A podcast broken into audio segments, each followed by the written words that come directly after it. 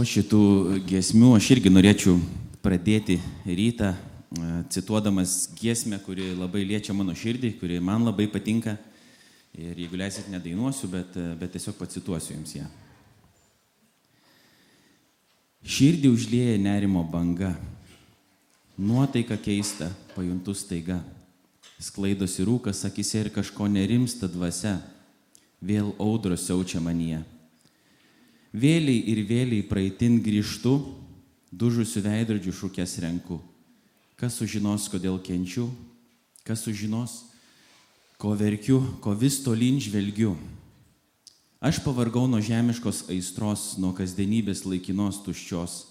Noriu pamiršti nikės mintis, bėgti pro atvertas duris, ten, kur šaukia viešpatis. Noriu lėkti, noriu kilt, noriu dvasių skrydį aš pajusti. Noriu lėkti, noriu skristi, noriu Dievo glebyje pabusti. Laukia toliai tolimi, noriu skrieti toli toli. Jeigu galvojat, kad čia yra krikščioniška giesmė, tai tik, nežinau, tas tikriausiai kažką pasako apie šio laikinės giesmės mūsų, bet čia yra, čia yra Bavarijos daina, noriu kilt. Aš tai pakeičiau tris žodžius. Vietoj Saulės glėbės, sakiau Dievo glėbėje, paukščių skrydį, sakiau dvasių skrydį ir dar vieną kažką net pakeičiau. Bet uh, dabar klausimas yra, ar, ar, ar Bavarija dalyvaus sielų festivalyje kitais metais. Įsivaizduojat, Vilius Tarasovas ateina ant scenos. Nori kil. Gerai, bet šitą, sakiau, nedainuosiu ir sulaužiu savo.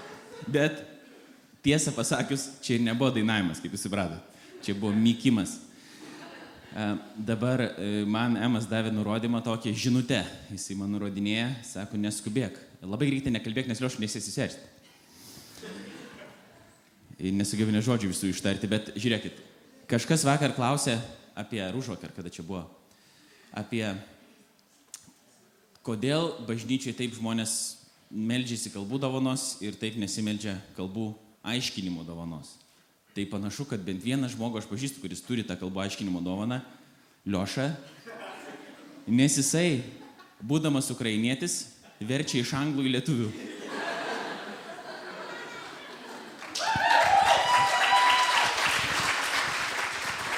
Man tai žiūrėk, aš tau mesiu šitą saldainį, tu nevalgyk pats daug liošai. Gerai. Pagav. Ir viskas, kaip sakyt, susiję yra su tarptautiškumu, nes saldainis yra latviškas. Iš saldaus karvutė. Gotinė. Salda jums. Uh, tik atsargiai valgyk, nes gali plombą ištraukti, jeigu turi. Jeigu, jeigu nežinai, kaip yra angliškai plomba, tai yra plomb. Taip, taip, aš pasakiau juoką. Gerai vaikai juokėsi. Uh, kodėl aš dabar citavau šitą giesmę uh, Viliaus Tarasovo? Uh, čia vis tiek yra kažkas, kas išreiškia tokį, tokį žmogišką troškimą ir neramybę, tą chaosą, kurį patiria žmogus viduje. Aišku, čia klausimas kyla, kiek norisi kažko parduoti. tai parduoti, pasakiau, kaip Viktoras Uspaskikas parduoti, kiek noris parduoti šitą dainą.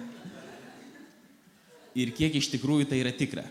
E, kas aš toks, kad aš teiščiau, tai neteisiu, e, prokurorams paliksim šitą dalyką, bet, bet ne, kad yra ten kažkoks toksai lūkestis, kad tą sielos audrą nuramins kažkas, kas yra viduje. Ir ramybės nėra.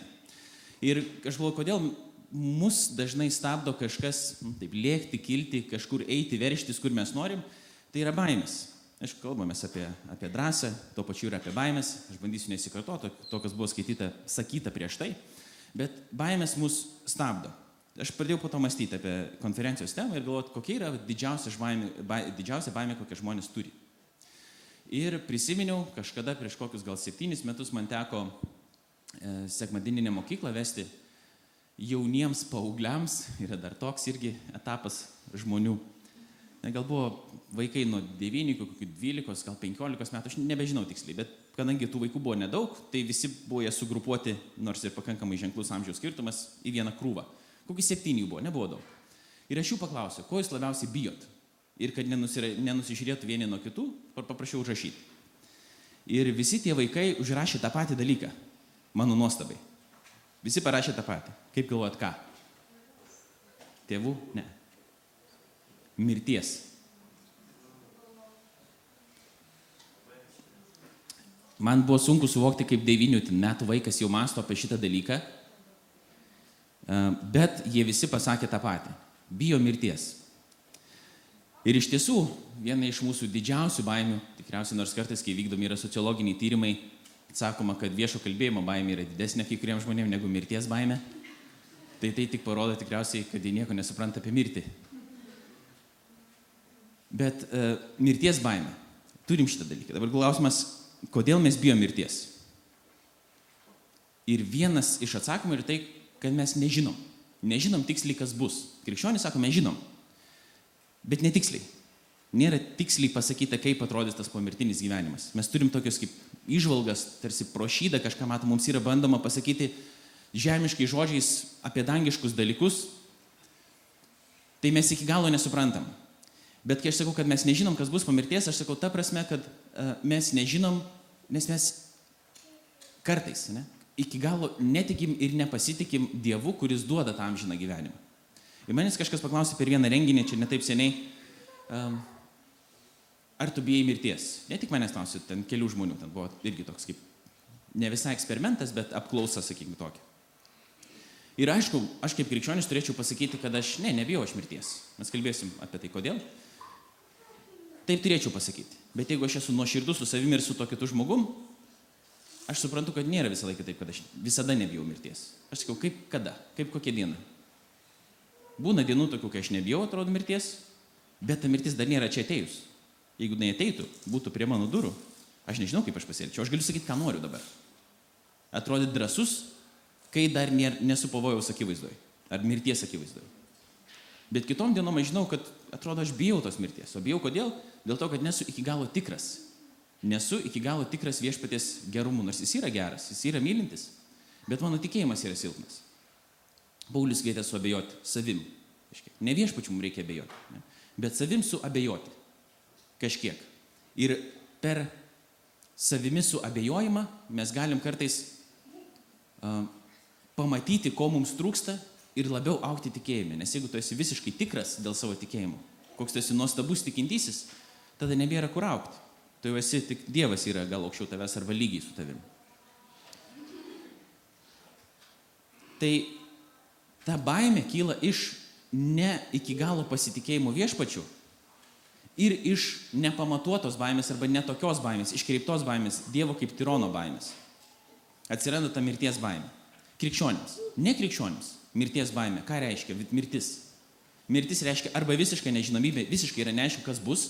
Ir kai tu nežinai, kas bus, yra labai baisu, nes neįsivaizduoji, kas gali būti. Arba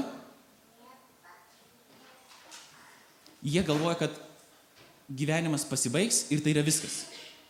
Ir dėl to yra žiauriai didelį įtampą gyventi. Nes mes savo gyvenimo vis, nėra taip, kad valdom visiškai. Mes neturim daug kontrolės. Kažkiek turim, bet nedaug iš principo. Gali bet kas atsitikti. Karas užeiti, lyga, dar kažkokie dalykai. Tokie, kokie net neteina į galvą, nešauna į galvą. Ir tada yra labai didelė įtampa, nes mirtis tiesiog yra viso ko pabaiga. Ir po to yra nebūtis. O kas yra nebūtis, mes net neturim tokio sampratos, kas tai yra.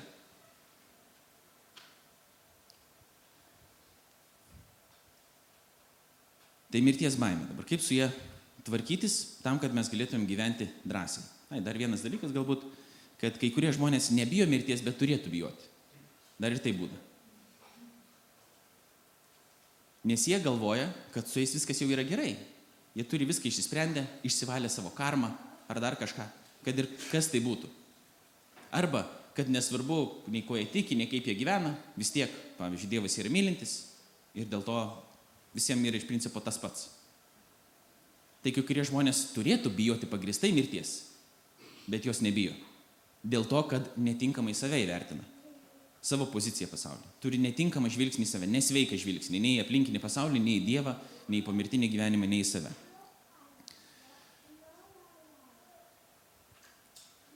tada, kai aš pradėjau galvoti apie tą mirties baimę e, ir apie rašto vietas, kurios apie tai kalba, aišku, yra pakankamai pavojinga, taip knybinėti tas rašto vietas ir sakyti, va, čia tas truputį, čia tas truputį. Dėl to aš paskaitysiu tokį ilgesnį gabaliuką ir šiaip pats šnekėsiu savo minčių ne tiek ir daug, aš skaitysiu pakankamai ilgus du tekstus, vieną iš šventojo rašto ir vieną iš ankstyvųjų krikščionių raštų, kurio daugumą iš jūsų tikriausiai nesat skaitę ir nesat net girdėję. Tai manau, kad tai gali būti pravartu ir įdomu, nes man tai tikrai buvo ir pravartu ir įdomu. Tai pirmam laiške korintiečiam, 15 skyriui, kurį pabandysiu aš visą ir perskaityti, į pabaigą yra toksai tekstas, kuris yra citata iš Senojo testamento, kad mirtie kur tavo geluonis, apaštas Paulius rašo. Kitaip tariant, čia yra retorinis klausimas. Čia nėra taip, o mirtie, kur tas tavo geluonis, ir jinai ieškoti geluonės. Ne? Bet mirtie, iš principo, tu neturi galios. Kur? Kur ta tavo gale? Tos galios tavo nebėra. Jis nieko man negali padaryti, jis nieko negali padaryti tikinčiam žmogui. Tas geluonis jis yra neveiksmingas, jis yra užgesintas, jis yra sunaikintas. Bet kaip ir kodėl? Ir kur yra ta krikščioniška viltis, kuri naikina baimę? Tai aš perskaičiu, kaip minėjau, pirmo laiško korintiečiam 15 skyrių visą. Ir galbūt kažkaip tai pakankamai gražiai įsirėmina, nes ir Emas pirmam mokymė irgi citavo iš pirmo laiško korintiečiams. Tai yra tas pats laiškas. Apaštalas Paulius rašo Korinto bažnyčiai, Čia jau yra kulminacija laiško, 15 skyrius, pačioj pradžioj jisai pristato Evangeliją. Dabar mes neturim šventam rašte beveik niekur pasakyti, va štai yra Evangelija ir va tokia jinai yra. Pavyzdžiui, tu, kad suprastum, kas yra Evangelija, tu turi perskaityti, pavyzdžiui, visą Evangeliją. Pagal Joną, pagal Luką, pagal Matą, pagal Morku. Perskaitai ir tada bandai suprasti, kas yra ta Evangelija.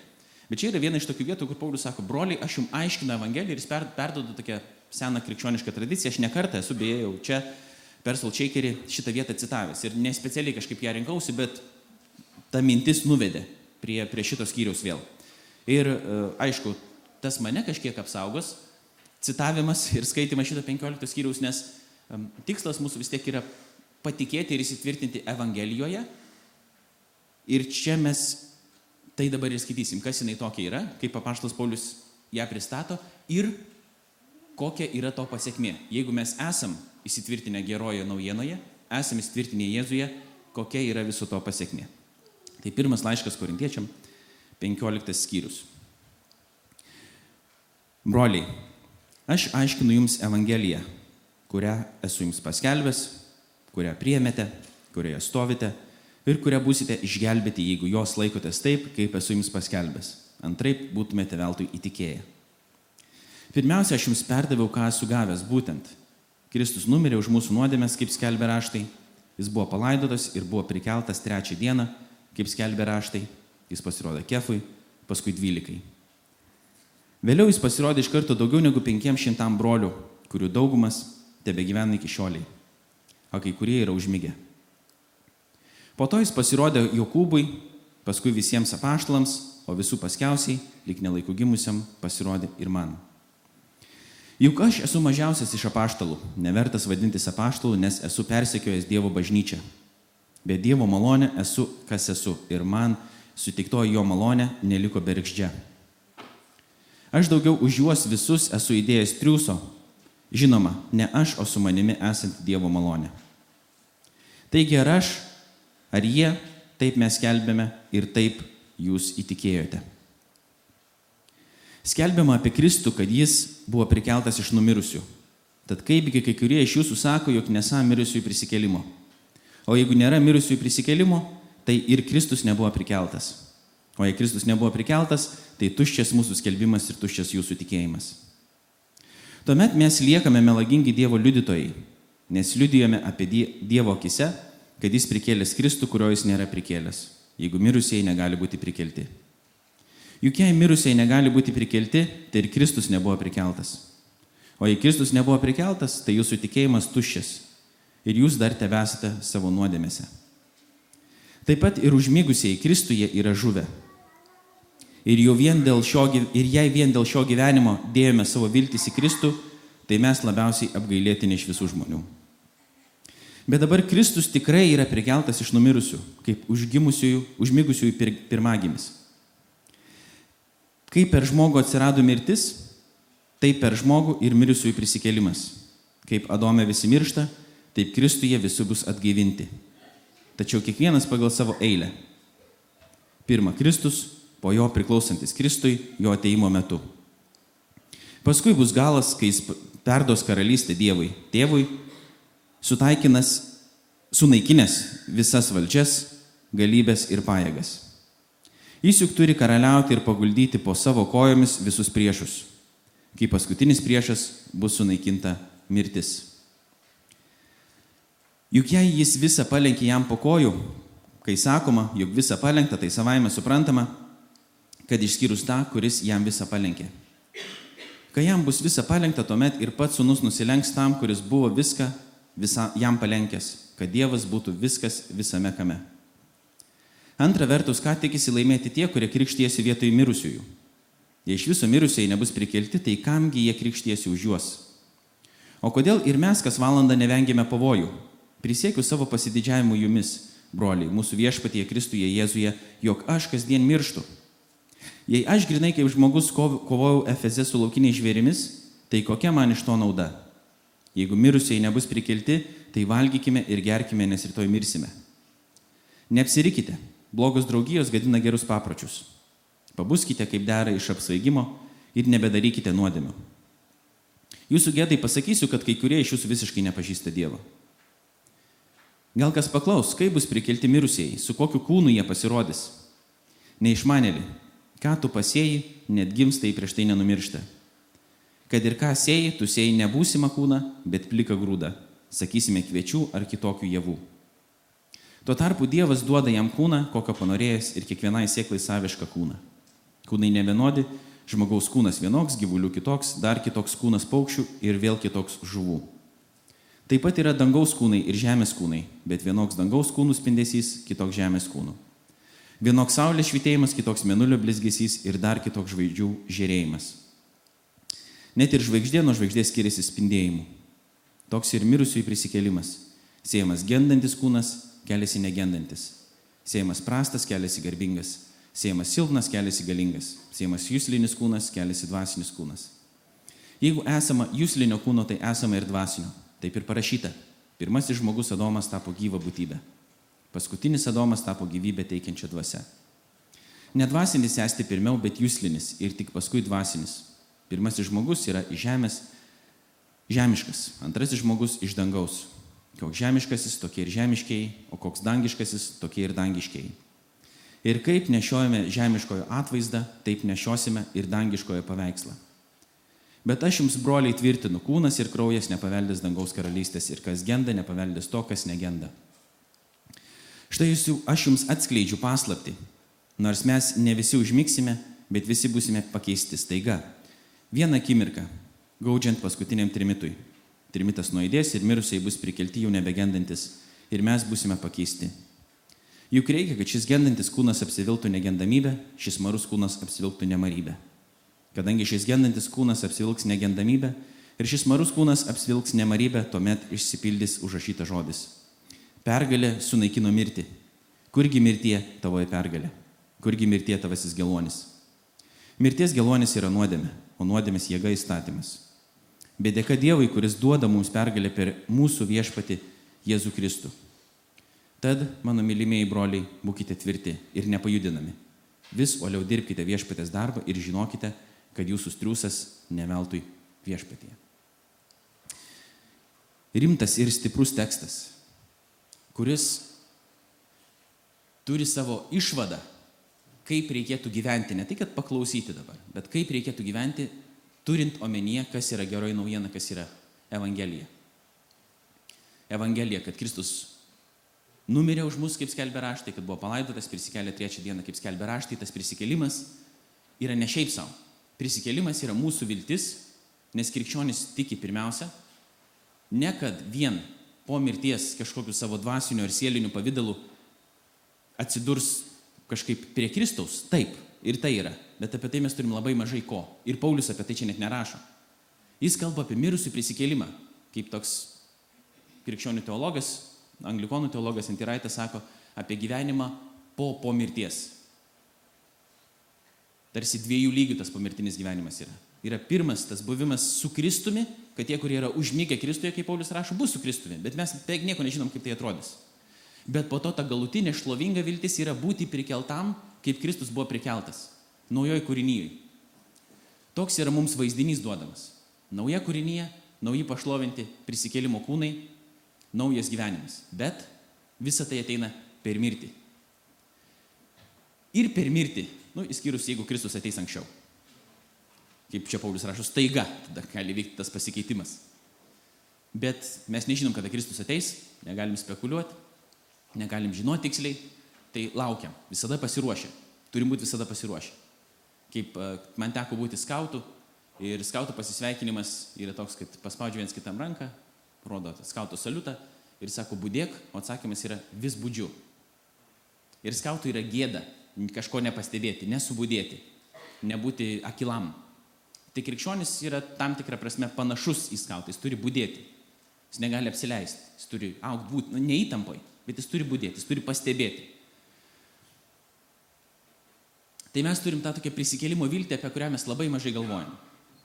Pas mumis viskas kažkaip baigėsi dažniausiai taip, kad, nu, manęs kažkaip galbūt laukia pragaras, nes aš turiu daug nuodėmių ir tada jeigu aš patikėsiu Kristumi, tai yra mano toks išsigelbėjimo lapelis, kad aš ten nepatekčiau. Bet šiaip labiau norėčiau čia dar pagyventi, nes dangui tikriausiai nuobodu yra. Iš vis ten neaišku, kas vyks. O čia Paulius sako, kad va, tai yra ta aukščiausioji buvimo būsena, tas tikrasis pašlovintas kūnas, kurio mes laukiam. Bet laukiam mes ne dėl to, kad norim būti, sakykime, tokie superherojai kažkokie, bet Dėl to, kad toje naujoje kūrinyje ir yra visa tai, ko mes trokštam. Teisingumas, meilė, gėris, grožis ir svarbiausia, mes turim patį Dievą. Dievas yra mūsų pažadas. Jokia kita religija šito neturi. Tikėjimo sistema. Dievas yra mūsų dovana. Ne kažkokie vien tik tais atpildai, nors apie juos irgi yra kalbama. Apie karūnas įvairias, kurias galima patumesti per Kristaus kojų. Apie apdovanojimus tokius yra irgi taip pat kalbama. Bet galutinis apdovanojimas mūsų yra pats Dievas. Bet čia dar Paulius rašo ir apie kitokią mirtį. Sako, aš kasdien mirštu. Kaip aš galiu kasdien numirti? Jeigu mes bijome mirties, sakykim, ir tos mirties, apie kurią mes galvojam dabar, bent jau. Bet yra ta kitokia mirtis, kai tu turi numirti savo. Ir jeigu mes bijom tos mirties, mes neišvengiamai tada bijosim ir numirti savo kiekvieną dieną vardant kito. Nes mes visą laiką bijosim kažką prarasti, nes save atiduoti, atrodo mums kažką prarasti ir nieko negauti. O čia Dievo ekonomika yra priešinga. Kristaus ekonomika yra priešinga. Kad tik atiduodamas tu gali kažką gauti. Tai ir čia taip pat atiduodamas savo gyvybę, pavyzdžiui, Jėzus sako, kad didžiausia meilė yra savo gyvybę už draugus atiduoti ir jis pats tą padarė.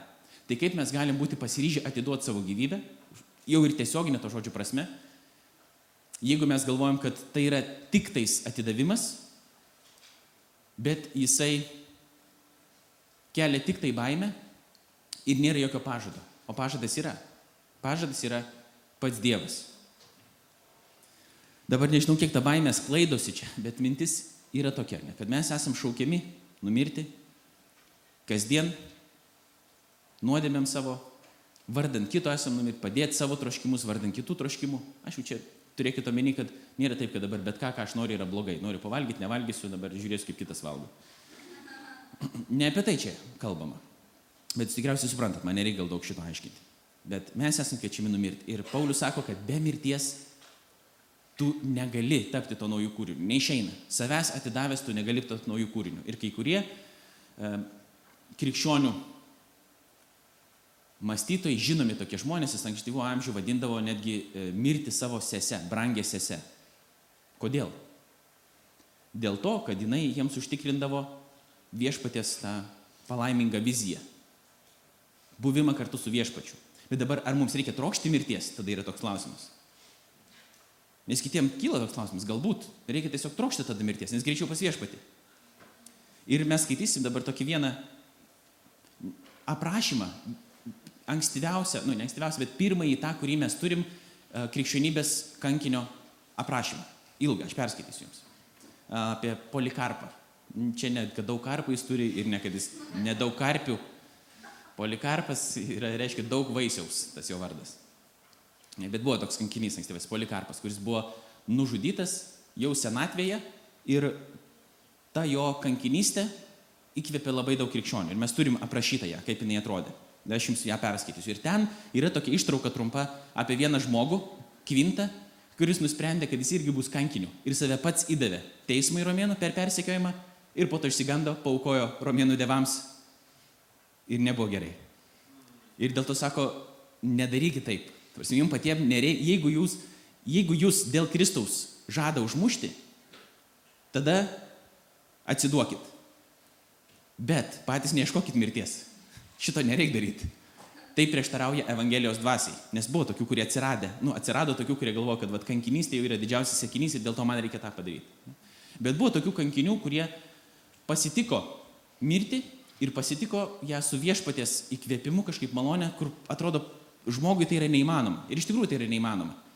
Jeigu jau viešpats kažką pakvietė, ar gal dar kviečia į kankinystę, jisai duoda savo malonės kažkaip joje išsilaikyti. Tai mes apie tai dabar paskaitysim. Bet prie ko aš dabar vedu? Ne, drąsa.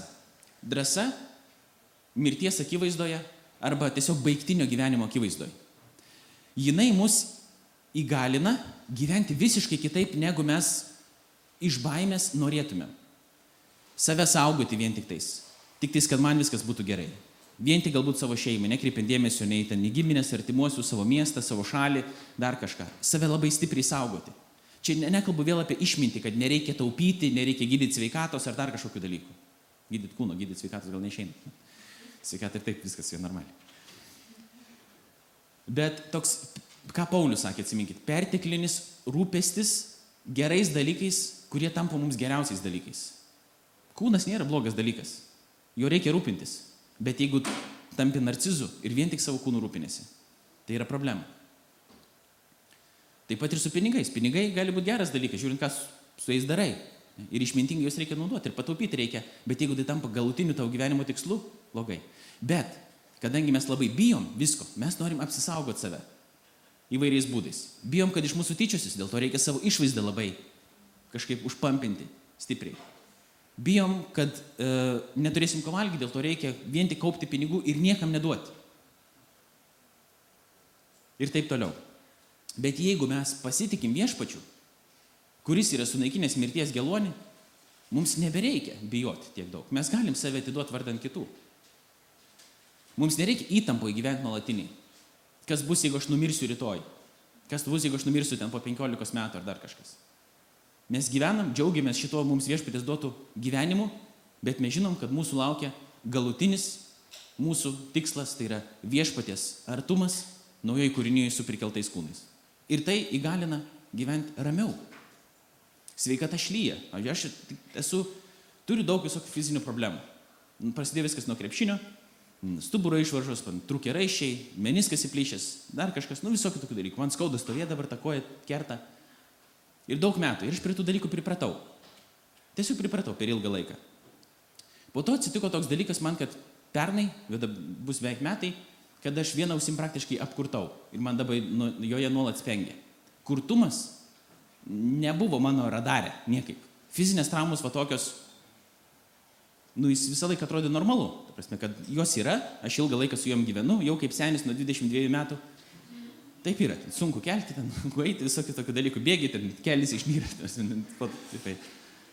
Prie tų pripratau, bet kurtumas, nu jisai nebuvo, sakau, niekur mano radarė, kad aš galvočiau, kad va taip įmanoma man. Kitiem galbūt tai būna, kažkas apanka, kažkas apursta, dar kažkokie dalykai būna. Ir tada bam, atsitinka. Ką daryti tada? Ir tada supranti, kad kūnas yra gendantis kūnas. Nu, jis genda. Man, man tik blogės, man negerės. Vis, viskas, kas skauda, dar labiau skaudės. Klausa blogės. Akis, va dabar irgi turėjau pakelti, aš nebeįmatau to teksto normaliai. Nu, kaip senis, tik 35 metų. Žilt pradėjau prieš kokius penkis metus irgi tikriausiai. Turiu žilų plaukų. Nu, taip tiesiog yra. Tai dabar ar man prarasti viltį? Ne, Dievas yra geras. Kad ir kas atsitiktų mano gyvenime, aš žinau, kad laukia tas šlovingas mirusiųjų prisikelimas. Ir klausimas, ar aš to pasitikiu. Ir jeigu aš to pasitikiu, tada nebėra baimės. Bet jeigu mano tikėjimas susviruoja, tada pradeda atsirasti visokios baimės. O kas jeigu? O kas jeigu taip atsitiks? O jeigu tai bus? O jeigu tai bus? Nu jo, mes galim kiekvieną dieną klausti. O jeigu? Belė kas gali atsitikti? O jeigu važiuosiu mašiną, dabar padarysiu avariją?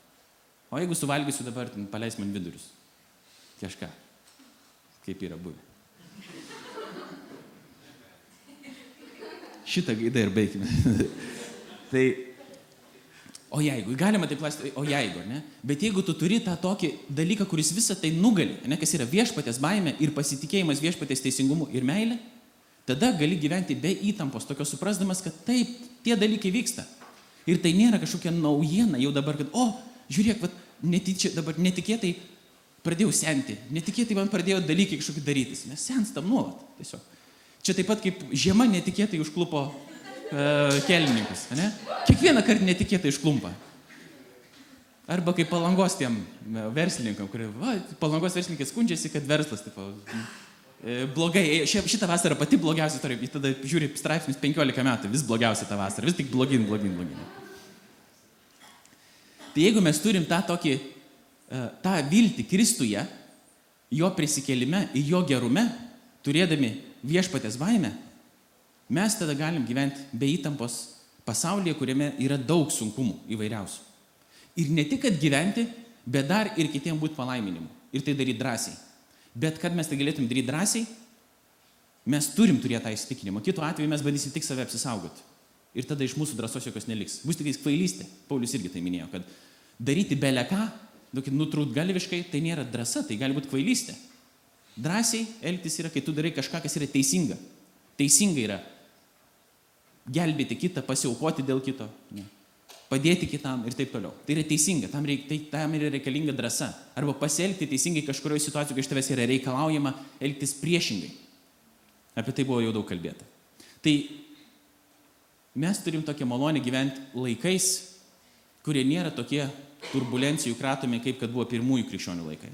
Kartais aš pagalvoju, kaip būtų faina, kaip norėčiau būti tenais, pirmaisiais krikščionių laikais, tam pamatyti, va čia, apie ką mes skaitom, gal net šalia Jėzaus kojų visą kitą, bet kai tu pagalvoji, ką jam teko iškesti, didžiai dalį jų, pirmi trys amžiai, nu ne iš kartas persikėjimas toks žiaurus prasidėjo, bet jau ir mes skaitom šventam rašte pirmas krikščionių kankinys Steponas, užmėtytas akmenim, po to tik ilgą laiką buvo tik blogiau, iki tol, kol buvo legalizuota Romos imperijų krikščionybė ir po to tapo jau imperijos religija. Pirmą jinai buvo legalizuota, jinai nebuvo primesta visiems, tiesiog buvo leista jai būti. Bet ilgą laiką taip nebuvo ir būdavo žmonės nuteisiami miriop už tai, kad jie tiki. Ir ką reikėdavo padaryti, kad tavęs nenuteistų miriop, įsižadėti Jėzus viešai ir pagarbinti Cezarį. Ir kai kuriuos netgi siūlydavo kai kuriems krikščionims, kad taigi tu širdie tikėk, širdie tikėk, bet tik dėl vaizdo, va truputį biški paukok, va Cezariui. Ir vienas iš tų kankinių sakė, atrodo, čia tas pats polikarpas, aš dabar tiksliai neatsimenu, bet kad aš jau tiek metų pragyvenau, viešpats man buvo toks geras, jis niekada man nieko blogo nepadarė, kaip aš galiu jo įsižadėti.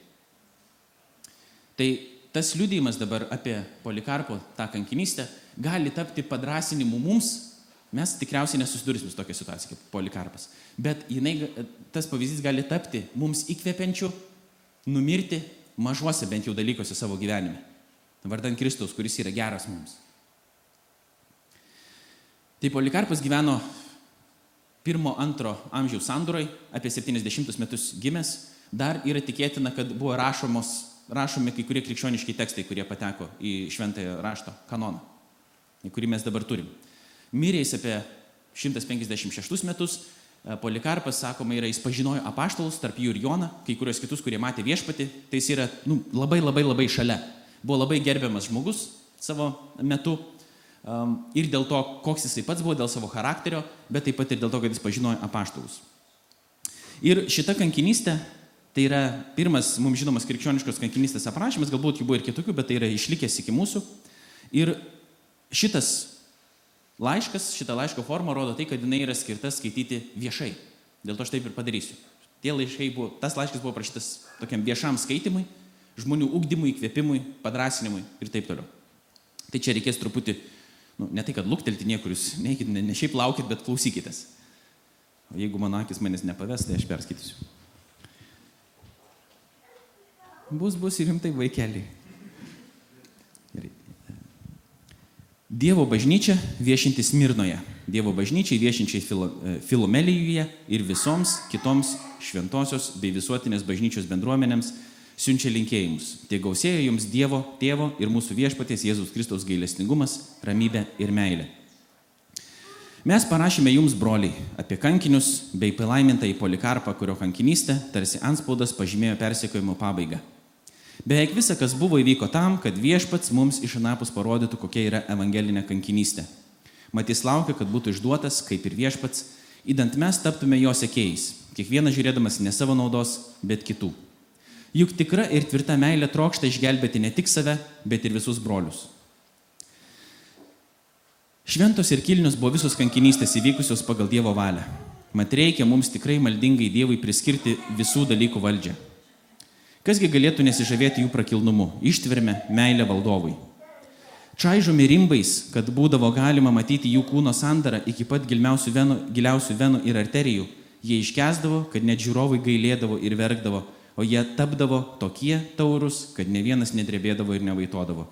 Kančių valandą mums visiems parodydami, jog palikdami kūną, jie yra tvirčiausi Kristaus liudytojai ir dar daugiau, kad greta atsistojęs jiems kalba pats viešpats. Tad įsmeigę žvilgsnį į Kristaus malonę, jie paniekino žemiškosius kentėjimus, kad per vieną valandą įgytų amžiną į gyvenimą. Siaubingų kankintojų ugnis jiems tapdavo šalta, mat jie regėjo, kaip, pabėgs nuo amžinos niekada negestančios ugnies ir širdies akimi žvelgdavo į gerybę skirtas ištvermingiesiems. Ko akis neregėjo, ko ausis negirdėjo, kad žmogui galva netėjo, tai buvo viešpatis jiems parodyta, nes jie buvo jau nebe žmonės, bet angelai. Panašiai ir pasmerktieji žvėrims sudraskyti iškenti baisiausius skausmus, parblokšti ant aštrių kreuklių, užgriūti visokiausių kankinimų, gal kančiomis pavyksia, jei valdovas įstengtų priversti atsižadėti tikėjimą. Daug gudragalviavo velnės norėdamas juos suklaidinti, bet dėkui Dievui visų negalėjo įveikti. Taurusis vyras Germanikas savo ištvermę padėjo jiems įveikti bailumą, narsiai susirėmė su žvėrimis. Kai prokonsulas norėjo jį perkalbėti, prašydamas pagailėti savo jaunatvės, jis pats jėga išerzino žvėrį, trokšdamas išsivaduoti iš jų neteisingo bei nedoro gyvenimo. Dėl šio polgio visi žiūrovai labai nusistebėjo Dievo maimingos ir maldingos krikščionių giminės taurumu ir ėmė šaukti. Šalin bedievius, suieškokite polikarpą. Vienas toks vardu Kvintas Frygas, neseniai atvykęs iš Frygijos, pamatė žvėris persigando. Jis ir save patį ir kitus buvo vertę savanoriškai pasiduoti teismui. Jį prokonsulas ilgais įkalbinimais įtikino prisiekti ir aukoti stabams. Todėl, broliai, negalima pagirti tokių, kurie pasiduoda patys, juk Evangelija netaip mus moko. Polikarpus nuostabos vertas vyras. Iš pradžių išgirdęs apie tuos įvykius, neišsigando ir net nenorėjo likti mieste. Vis dėlto daugelis jį įtikino, kad reikia pasišalinti. Ir jis draugė su keliais kitais pasitraukė į sodybą netoli miesto. Dieną naktį nieko kito ten nedarė vien meldėsi, kaip įpratęs už visus žmonės ir už visas bažnyčias pasaulyje. Jam besimeldžiančiam tris dienas prieš sugavimą buvo duotas regėjimas. Jis išvydo liepsnų apimtą savo pagalbę. Kreipdamasis ten buvusius jis pareiškė, reikia, kad aš būčiau gyvas sudegintas. Vos jis persikiotojams gaištant, persikėlė į kitą sodybą, toj pat pirmoje vietoje pasirodė jo ieškotojai. Tenai neradę, jie suėmė du jaunus vergus. Vienas iš jų kankinamas pasakė, Taigi atsiradus namiškių išdavėjų, neliko kur slėptis. Ir Enarchas Erodo bendravaikis išskubėjo atgabenti Polikarpo į stadioną. Įdant šis gautų Kristaus dalį, tapdamas jo bendražygiu, o jo išdavėjai susilauktų judo bausmės. Pasiemė su savimi jaunuolį penktadienį apie vakarienės laiką, persikiotojai ir raiteliai su įprastiniais ginklais traukė skubėdami tarsi prieš plėšiką. Vėlai vakare surado jį namelio, kažkokio namelio aukštutinėme kambaryje atsigulusi. Matys nebenorėjo iš ten pereiti į dar kitą sodybą, sakydamas, te būna Dievo valia. Išgirdęs, kad persekiotojai atėjo, nusileido žemyn ir ėmė kalbėtis. Ateiviai stebėjosi, koks jis senas, koks tvirtas ir kad taip stengtasi sulaikyti tokį seną žmogų. O jis tą pačią valandą kaip mat palėpė atnešti jiems iki suotės valgio bei gėrimų. Tik pasiprašė, kad duotų laiko ramiai pasimelsti. Jiems sutikus, atsigręžęs į rytus, ėmė melstis kupinas Dievo malonės ir taip dvi valandas nenuilsdamas meldėsi, o tie klausydamėsi labai stebėjosi. Daugelis netėmė gailėtis atėję prieš tokį Dievui mielą senelį. trumpa apžvalga, tos, jeigu kažkur praleidot kažką, polikarpą atsiuntė sugauti ir užmušti. Polikarpas gauna pats viziją prieš tai, kad tai turi kažkas panašaus turi vykti, jis turi būti gyvas sudegintas, jis tai supranta. Iš pradžių dar eina iš vienos sodybos į kitą, nėra taip, kad iš karto atsiduoda rankas, dar paina, tarsi slepiasi nuo to persikėjimo, bet jis žino, kas bus. Ir po to, kai jau išduoda jį, kad jis yra kitoj sodyboje, jis jau niekur nebeina, jis sako, tai būna viešpatės valia. Reiškia, atėjo laikas. Ateina jo sugauti, sugavusius jis pakalbina, paprašo, kad jiem duotų valgyti ir sako, ar galiu eiti pasimelsti. Ir melžiasi, o tie valgo. Ir jie pradeda gailėtis, kad dabar va tokį senelį jiems reikės užmušti. Kai baigė melstis, paminėjęs visus, su kai kuriais jiem teko bendrauti, mažus ir didelius, kilmingus ir prastuolius, prisiminęs ir visuotinę bažnyčią pasaulyje, prisertinus valandai iškeliauti buvo užkeltas ant asilo ir išgabentas į miestą didžiojo šeštadienio dieną. Jį pasitiko Irenarchas Erodas su savo tėvu Niketu. Pasisodinę jį į savo vežimaitį, ėmė įkalbinėti. įkalbinėti. Kasgi blogo pasakyti, Cezaris viešpats, atlik atnašavimą bei kitą, kas tam reikalinga ir įsigelbė. Iš karto jis nieko neatsakė, jiems nesiliaujant atsiliepė. Neketinu daryti, ką man siūlote. Praradę viltį perkalbėti, tie pradėjo jį plūsti ir jėga išstumė lauk, o jis skrisdamas iš vežimaičio susižeidė koją. Tačiau jis liko ramus ir vedamas į stadioną žengė ir niekur nieko, it niekur nieko, guviai šlupčiodamas. O stadione kilo toks triukšmas, kad nebuvo įmanoma susišnekėti. Polikarpui įžengus į stadioną iš dangaus pasigirdo balsas Būk tvirtas, polikarpai, būk vyras. Kalbėjusio niekas nematė, tik ten buvę mūsiškiai girdėjo balsą. Be to, jį atvedus kilo didelis triukšmas, nes žmonės išgirdo, kad polikarpas sugautas. Atvis artin prokonsulas paklausė, ar jis esas polikarpas. Šiam patvirtinus prokonsulas ėmė raginti, kad jis išsigintų sakydamas pasigailėk savo senatvės. Ir taip toliau, kaip įprasta tokiais atvejais kalbėti. Prisiek Cezario laimę, atsiversk, sušuk šalin bedievius. Tuomet Polikarpas orių veido apžvelgęs visą nedoralių pagonių minę stadione ir parodęs juos rankas sudėjavo ir keldamas akis į dangų tarė - šalin bedievius. Kitaip tariant, šalin bedievius turi būti apie krikščionis, čia mintis, o jis parodė visus aplinkui sėdinčius ir pasakė tą patį, tik tokiu vat poleminiu veiksmu sako šalin bedievius. Prisiek ir tave paleisiu, prakeik Kristų, Polikarpas atsiliepė, 86 metus jam tarnauju ir jis manęs nenuskriaudė. Kiekgi galėčiau pikžodžiauti savo karaliui, kuris mane išgelbėjo.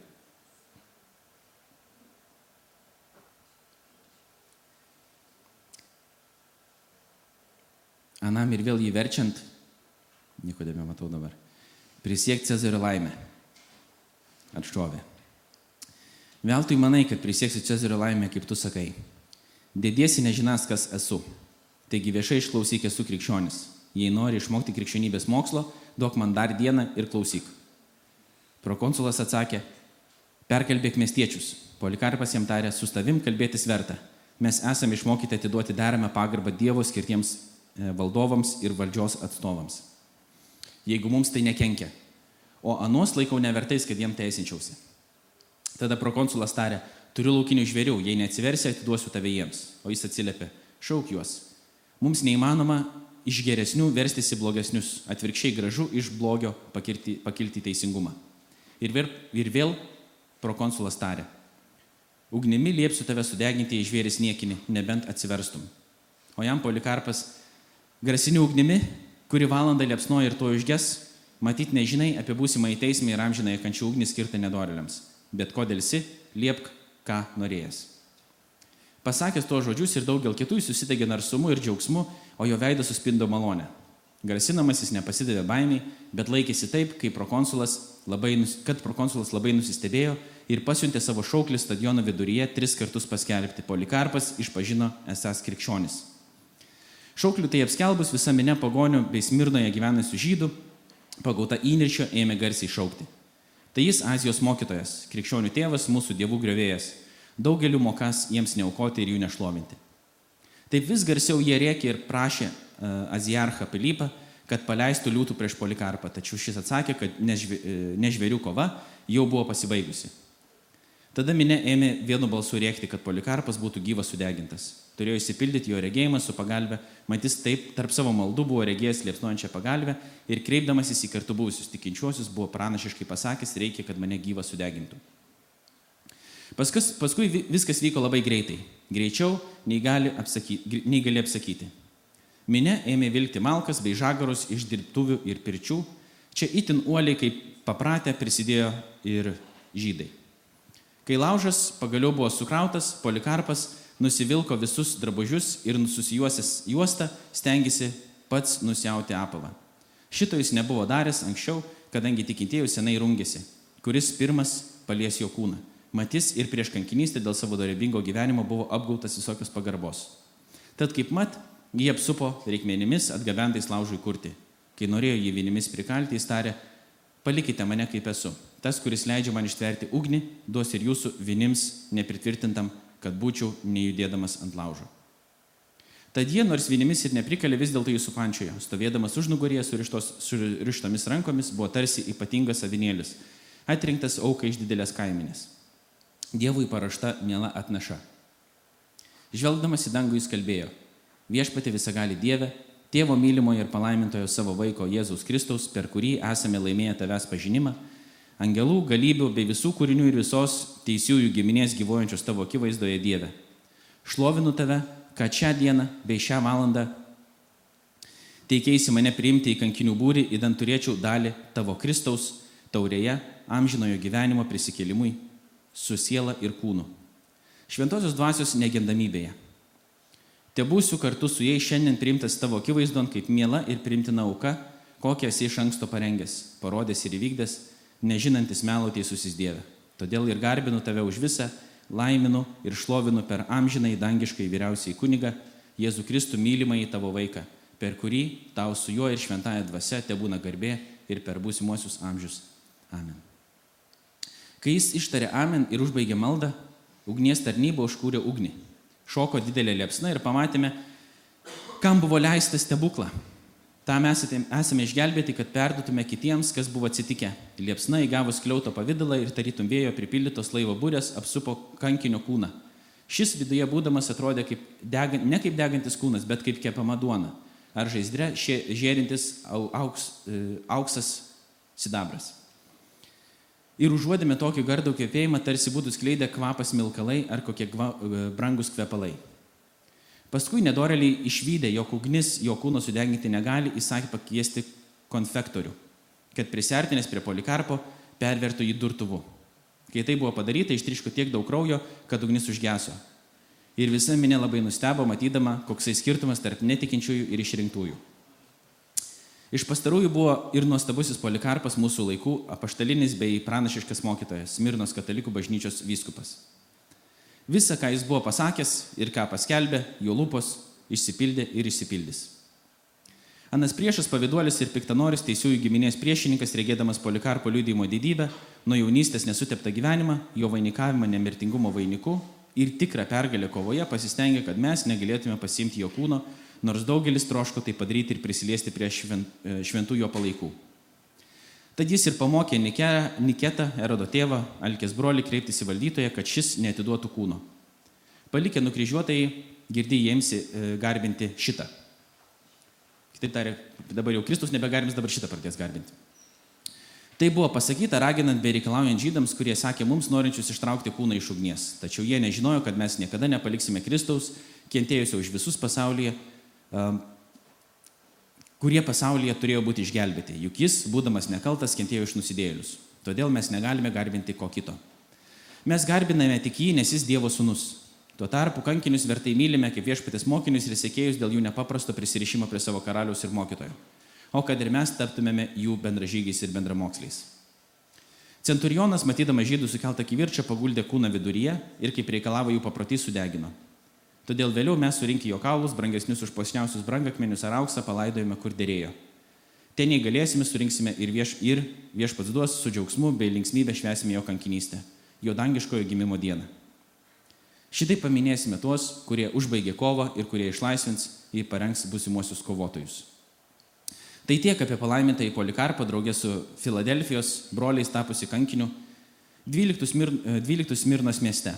Iš visų labiausiai minimas jis vienas Jo vardas visur skamba net pagonių lūpose. Jis buvo ne tik ypatingas mokytas, bet ir šlovingas kankinys. Visi geidžia pasiekti jo, pasiekti jo kankinystę atitinkančią Kristaus Evangeliją. Savo ištvermingumu jis nugalėjo neteisų į kunigaikštį ir laimėjo nemirtingumo vainiką su apaštlais ir visais teisėjais. Jis džiugodamas garbina Dievą, visą gali tėvą, šlovina Jėzų Kristų, mūsų gelbėtoją, mūsų vairininką ir visos žemės katalikų bažnyčios ganytoją. Nu, katalikų čia reiškia visuotinės, čia yra graikiškas žodis tiesiog verčiamas taip. Jūs prašyte išsamei papasakoti tai, kas pas mus įvyko, dabar per savo brolį Markioną ir mes aprašėme, kas buvo svarbiausia. Perskaitę, siūskite šitą laišką toliau esantiem broliam, įdant ir jie pašlovintų viešpati, kuris pats pasišaukė išrinktuosius. O tam, kuris mus visus savo malonę ir gailestingumu gali nuvesti amžiną į savo karalystę per savo viengimį vaiką Jėzų Kristų, te būna garbė, pagarba, galybė, didybė per amžius. Sveikinkite visus šventuosius Jūs sveikina sintieji kartu su mumis ir visa, visa tai užrašęs Everestas su namiškiais. Palaimintasis Polikarpas kankinio mirtimi paliudijo Ksantiko mėnesio antrą dieną romėnų stiliumi, septintą dieną prieš kovo kalendas. Didįjį šeštadienį 8 val. jis buvo suimtas Erodo, vadovaujant vyriausiam pontifikui Pilipui Tralianui, prokonsulų esant stacijui kvadratui per amžius viešpataujant mūsų viešpačiui Jėzui Kristui.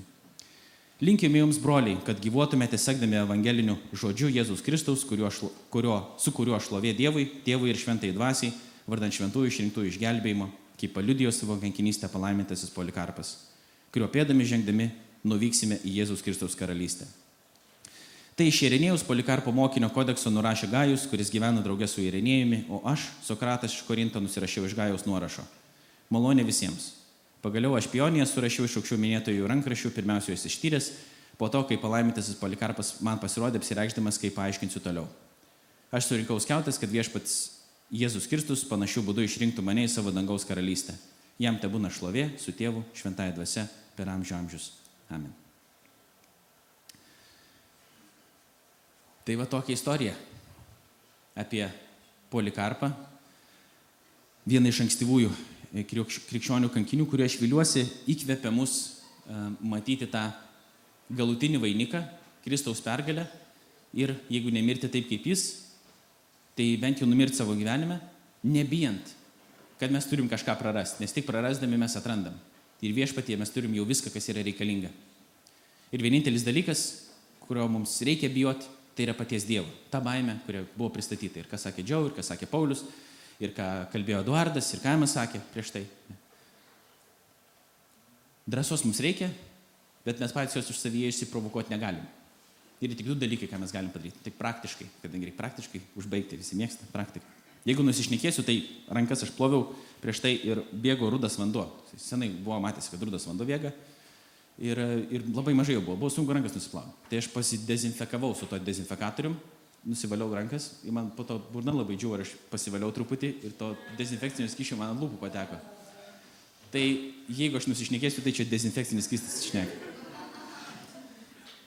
Tai vienas dalykas, tai nemelsti viešpatės malonės, kad jis mums duotų tokios drąsos, ne patys galvot, kad mes esame labai drąsūs, nuostabus ir taip toliau.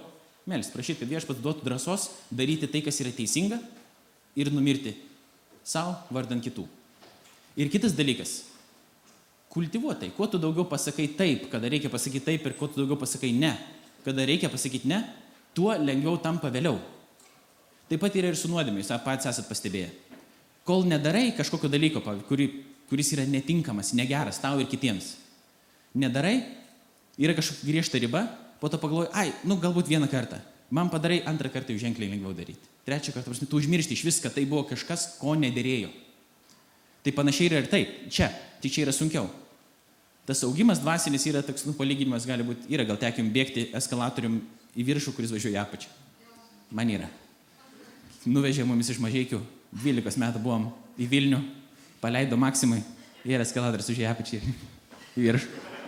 Pargriuvau kėlieną į tą eskalatorių, kai kraujas bėga. Nu, vien žodžiu, nėra lengva užbėgti. Tai vad, jeigu mes neaugam dvasiniam gyvenime ir savo charakterį nestatydinam, jis nelieka toks pat mes važiuojam į apačią. Viskas nyksta blogai. Taip pat kaip kalbos, jeigu tu nekalbi kažkokią kalbą, tu nelygiai taip pat kalbi, kaip kažkada buvo išmokęs, tu kalbi praščiau. Su sportu tas pats. Jeigu tu nebesportuoji, kai jau pasiekai kažkokią ten fizinę formą, kokią nori sveikatą, ir po to nustoji galvoji viskas, Tai nebus visą laiką toks pat. Grįžti atgal. Tai ir čia, kuo daugiau mes pasakom taip, kai reikia pasakyti taip, kuo daugiau pasakom ne, kada reikia pasakyti ne, mes ugdom savo charakterį, savo vidinį žmogų ir po truputį tramp, tampam drąsesniais, kada ateis jau tas tikroji išbandymo akimirka, mes galėsim pasakyti. Ne kažkaip taip stebuklingai, automatiškai, o, visą laiką grybavau, o dabar jau padarysiu teisingai. Ne. Jeigu visą laiką grybavau, tikėtina, kad teisingai nepadarysiu tada, kada ateis didysis išbandymas. Ir iš Dievo malonės gal jisai ir neteis, kol nebusim susitvarkę su tuo, tiksliau, kol viešpats nebus su mumis susitvarkęs. Tai mano padrasinimas man ir jums patiems yra melstį viešpatės drąsos, turėti viešpatės baimės ir pasitikėti jo meilę ir malonę, kad mūsų laukia a, palaimingas santykis su viešpačiu naujoje kūrinyje, kur bus kūna iš numirusių prisikėlimas. Dėl to mes šiandien, turėdami tą viltį, galim daryti teisingą pasirinkimą drąsiai, vardant viešpatės karalystės ir vardant kitų. Ir tai yra didžiausia nauda mums, nors mums taip netrodo. Ačiū viešpatė už tavo malonę, už tavo gerumą. Suteik mums drąsos, prašom, kad galėtum pasakyti ne, kada reikia pasakyti ne ir taip, kada reikia pasakyti taip. Išpažįstam, kad patys neturim tam jėgų, bet viešpatė prašom, kad tu juos mums suteiktum, šventoji dvasia teik, pripildyk, įgalink gyventi tikrą krikščionišką gyvenimą, sekant mūsų viešpačiu, Jėzumi Kristumi, Dievo tėvo šloviai.